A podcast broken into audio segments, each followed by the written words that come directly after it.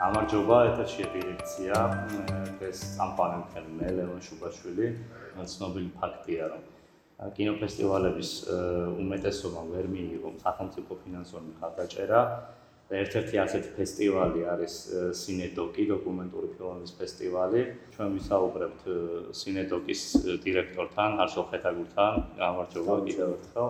ფესტივალი ტარდება ბათუმის ფესტივალის ბიაფის ფარგლებში. რა გამოწვევების წინაშე დადგა თვითონ თქვენი ფესტივალი? ფინანსების არქონის გამო და ზოგადად აი როგორ დაიბადა ათუნთან მიერთების იდეა? შეიძლება მადლობა. ესე იგი ფინანსების არქონა ჩვენთვის არ არის ნომერ პირველი პრობლემა. ცოტა განსხვავებული სიტუაცია. ჩვენი უფრო პრობლემა იყო კინო დარბაზის ანუ კინო არქივის დარბაზის უარი. აა ჩვენ უკვე წარმატებულად თანამშრომლობთ ბოლო წლების განმავლობაში კინო არქივთან.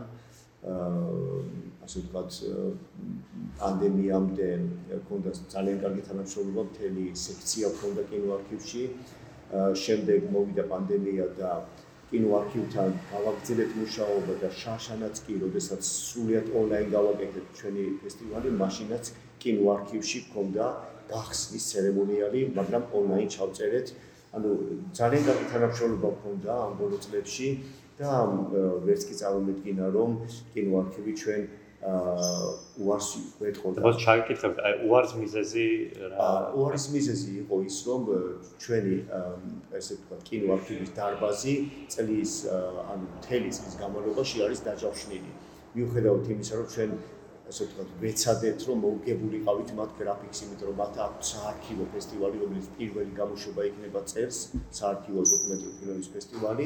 და შემდეგ უკვე განაცხადი ისე გავაკეთეთ, რომ და ფესტივალის დამთავრების შემდეგ, უკვე როცა თავისუფალი იყო, მაშინ უნდა ყოფილიყო ჩვენი კინოჩვენებები და ეს ძალიან ადრე შევიტანეთ ეს განაცხადი თუ ეს წინა წლებში ამას უნდა და მიახლოებით ერთი კვირა სიმბოლურად აი ვიცოდით რომ ასე ვთქვათ ერთი კვირის განმავლობაში როგორი პრობლემა არ არის დიდი სიამოვნებით ეხლა ვიცით მის ორი თვე ვალოდინეს რამდენჯერმე ასე ვთქვათ კითხეთ რა ხდება როგორ ხდება მე შემდეგ პროგრამაც კი აინტერესებდათ ისის გამოგზავნეთ მაგრამ ბოლოში ესეთი ესეთი რაღაცა არ ვიცი ფორმალური თუ არ ვიცი რა ჩემი განსახედიდან ეს რაღაც საერთო პასუხი იყო იმიტომ რომ ვერ წარმოგედგენია ის არ უმედგენია რომ კინო არქივი იყოს დაკავებული, მაგრამ ოდესაც ორი თვის წინ იცი რომ ანუ ქვეყანაში ერთადერთი საერთაშორისო დოკუმენტური კინოფესტივალია, რომელიც მნიშვნელობაც მე მგონი არ არის ძალიან ესე ვთქვათ გვერდით გადასადები, რომ კინო კინო არქივმა ვერ ნახა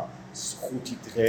ან ნომერ პირველი ფესტივალი არის დოკუმენტური კინოს მიმართულებით. კი, კი, და ეს იყო ცოტა ესე ჩვენთვის მართლა გაუგებარი, იმიტომ რომ არ ვიცი შეიძლება მართლა აქვს რაღაცა მე ვერ მითხრი რომ არაფერი არა აქვს, ხო, არ ვიცი ეს ფაქტები და ჩვენებს რაც არის, მაგრამ რა დონის ღონისძიებებია გათვლილი და ჩვენ ვართ კრეატიული ევროპის დაფინანსების ქვეშ უკვე რამდენიმე წელი 7 წელია ხო? ეს არის ფაქტიურად ევროპის შემოქმედები ევროპის და მხარდაჭერილი ერთადერთი კინოფესტივალი საქართველოში.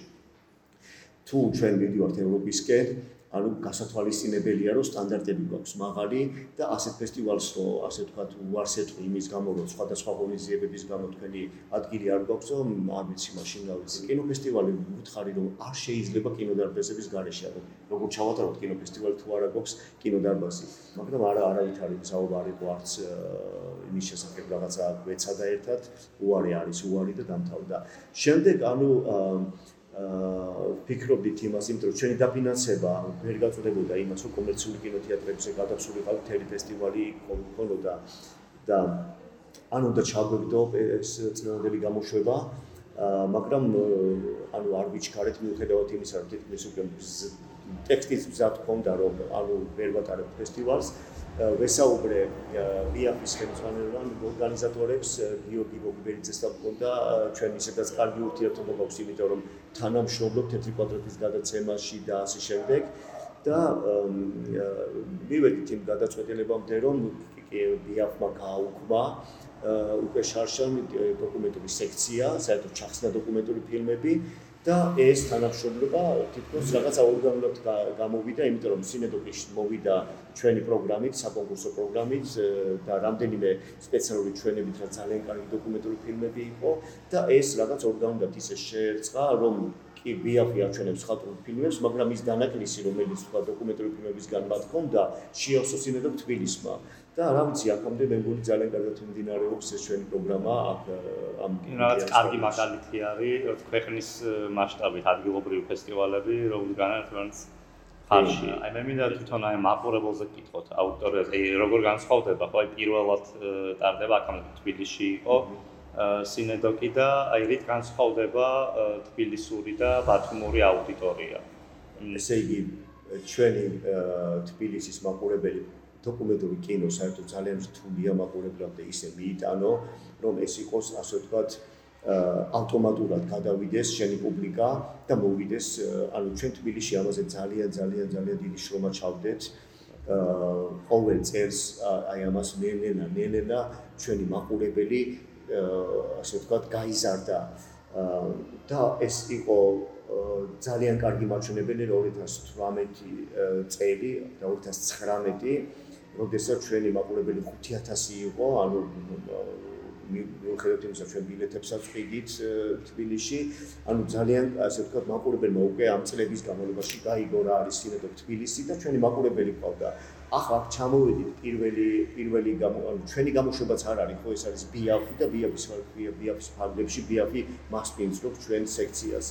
ძალიან რთულია რომ ბათუმის მაყურებელი თავიდანვე მიიზიდო და ანუ სინედოკის ან დოკუმენტური კინოჩვენებები ესეთი პოპულარული გახდეს თუმცა მაყურებელი ჩვენ ჩვენი მაყურებელი თბილისიდანაც წამოვიდა ჩვენ გვყავს სკოლები რომელიც არის სინედოკ სკოლის სკოლები მათაც გადაწყვეტესო შემოგვთია შემოგვიერთდნენ ჩამოვიდნენ ჩხოროწყუდან ჩამოვიდნენ სამტრედიიდან ბათუმში ყავს ჩვენი სინედოკის ასე ვთქვათ, ახალგაზრდული მაყურებელი ესენი შემოგვიერთდნენ ჩვენი ჩვენებები, აი გუშინ იყო ანტონალური გამწყინების ჩვენება და თითქმის დარბაზის ავსე იყო.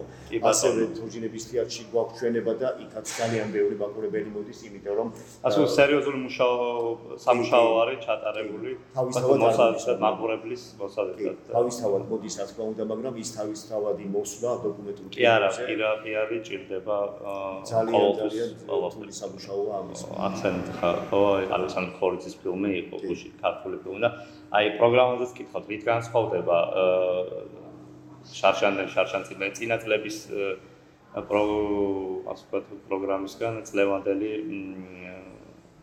ფილმები. ამ სიახლე თუ არის?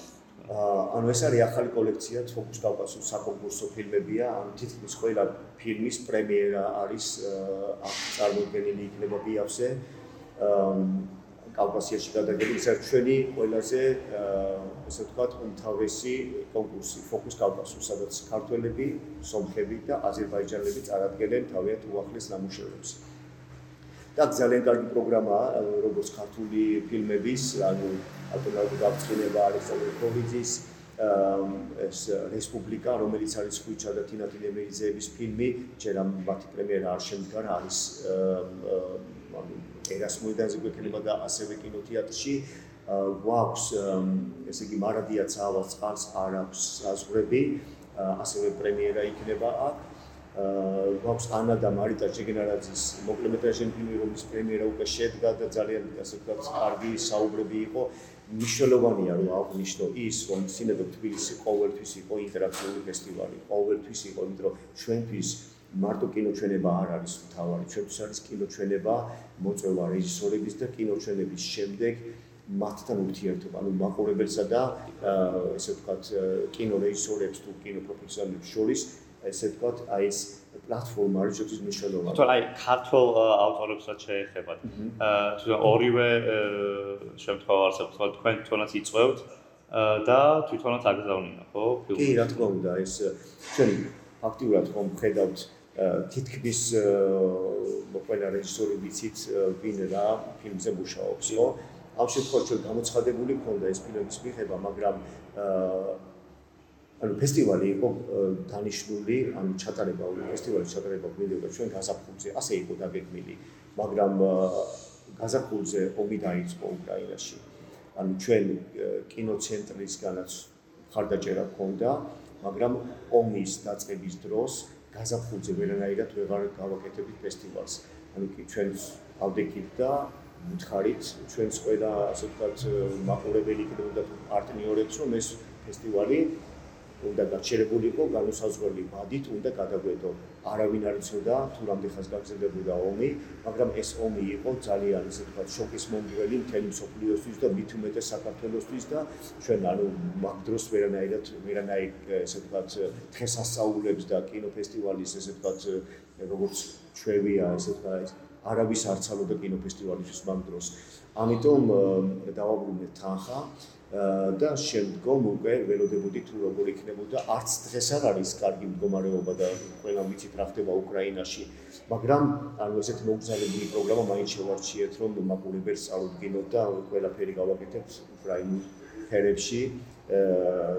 და რა ვიცი იმედია რომ რაღაც აი უკრაინულ პროგრამას გაქვთ ხო? უკრაინულ პროგრამა გქონდა ანუ ჩვენი ფესტივალი ცოტა ფორმატი არის შეცვლილი ანუ თუ ჩვენ ადრე გქონდა ერთკვირიანი ფესტივალი თბილისში.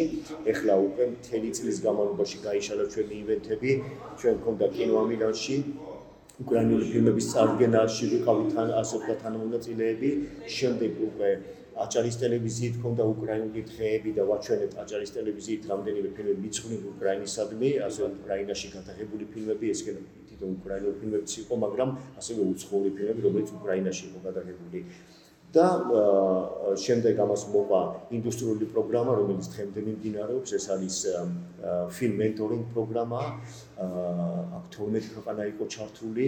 რა თქმა უნდა, ომის შემდეგ რუსეთი გამოაკლდა ამას, მაგრამ თანაშემწე ქვეყნები დარჩენ, ანუ და ეს მიმდინარეობს კიდევ, ეს ერთი მთავარი ღონისძიება.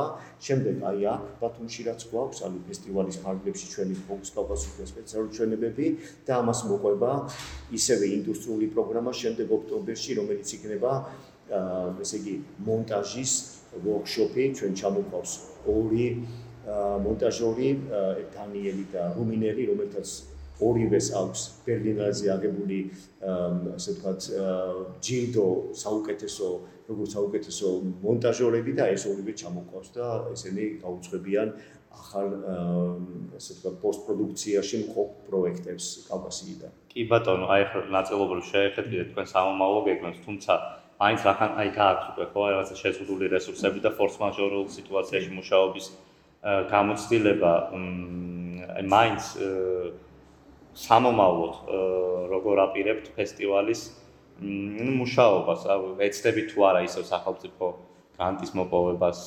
აი რა რა გეგმით თუ არსებობს რაღაც ეს გრძელვადიანი გეგმა? საქართველოს ცოტა სიტუაცია შეიცვალა კულტურის სფეროში. რთული გახდა წინასწარ დაგეგმარება. რა თქმა უნდა ჩვენ ყოველთვის წინასწარ ანუ ჩვენ არა მარტო ჩვენების მიერი ფესტივალი, რომელიც რაღაც სტანდარტებზე აქვს პრეტენზია, დაგეგმარება ხდება ძალიან ადრეულ, ანუ ჩვენ რომ დავამთავრებით ფესტივალის გამოშვებას, მაშინათვე სადაც ერთი ან მაქსიმუმ ორი კვირის შემდეგ უკვე ვიწყებთ მომავალი ფესტივალის დაგეგმარებას. ვიცოდით უკვე რომ კულტურის სამინისტროში ჩვენ აა თქვათ მიახლოებით რა რა თანხაზე ქონდა საუბარი ბიუჯეტი თბილისის მერია, კინოცენტრი და შემდეგ ახლა ცოტა აი დაირია ყველაფერი, იმიტომ რომ აა რთულია კულტურის სფერო შეიცვალა, ხო? აა ასევე ჩვენთვისაც რთულია დაგეგმარება, რა თქმა უნდა, კრეატიული ევროპის მხარდაჭერა გვაქვს, მათ უკვე იციან რა არის სინედოკი. ანუ საერთაშორისო სინედო თბილისი უფრო კარგად არის თქვა ცნობილი ვიდრე შეიძლება საქართველოს რეგიონებში, თუმცა რეგიონული პროგრამა ჩვენ რა უნდა უკვე ახაც გაიცნეს. მაგრამ რთული გახდა, არ ვიცით, ეხლა ჩვენ ვეცდებით, რა თქმა უნდა, რომ ჩვენი უცხოელი პარტნიორები ჩვენ ჩვენს გვერდით არიან, მაგრამ საქართველოსში რა მიმართულება ექნება და როგორი დაფინანსება და რა მიმართულებით წარიმართება, ეს ჩვენ ამას როგორც ჩვენთვის ბათუმის ამინდი ესე გახდა. ასე რომ ნახოთ საერთავა, რა ვქნათ, ჩვენ გვინდა რომ იყოს თავისუფალი ფესტივალი, ჩვენც ნომერ პირველი სტანდარტი არის რომ იყოს თავისუფალი, ჩვენი პროგრამა იყოს თავისუფალი. აა დასამალი არაფერი არ გვაქვს, მაგრამ არც ის არ არის ჩვენთვის მისაღები რომ ასე ჩვენი პროგრამის შედგენაში ანუ რაღაცა კი რა ანუ კონტროლი იყოს და აქტიური ჩარევა ჩარევა ხდებოდეს ჩვენ არასდროს ესეთი პროგრამა არ ქონია და არ თქვექნება მაგრამ ჯობია რომ არ ჩავატაროთ ფესტივალი ხო რა ვიცი, ნახოთ როგორ წაივართება. წარმატებებს გისურვებ, ძალიან ცუდია რომ ფესტივალებს უწევთ საქართველოსში რაღაცა ეს რთულ ვითარებაში მუშაობა, თუმცა კარგი ის არის რომ მოწოდების სიმაღლეზე ხართ რთული გარემოებების მიუხედავად. ძალიან დიდი მადლობა. ჩვენი სტუმარი იყო სინედოტის დირექტორი არჩილ ხეთაგური. მადლობა და წარმატება. მადლობა და უსურვებ ბიავს რომ კარგად ჩაიაროს ყველაფერმა და ასევე პრობლემის გარეშე და დაფინანსებით წარადგინო თავიანთი მომავალი გამოშვებები. დიდი მადლობა. მადლობა თქვენ.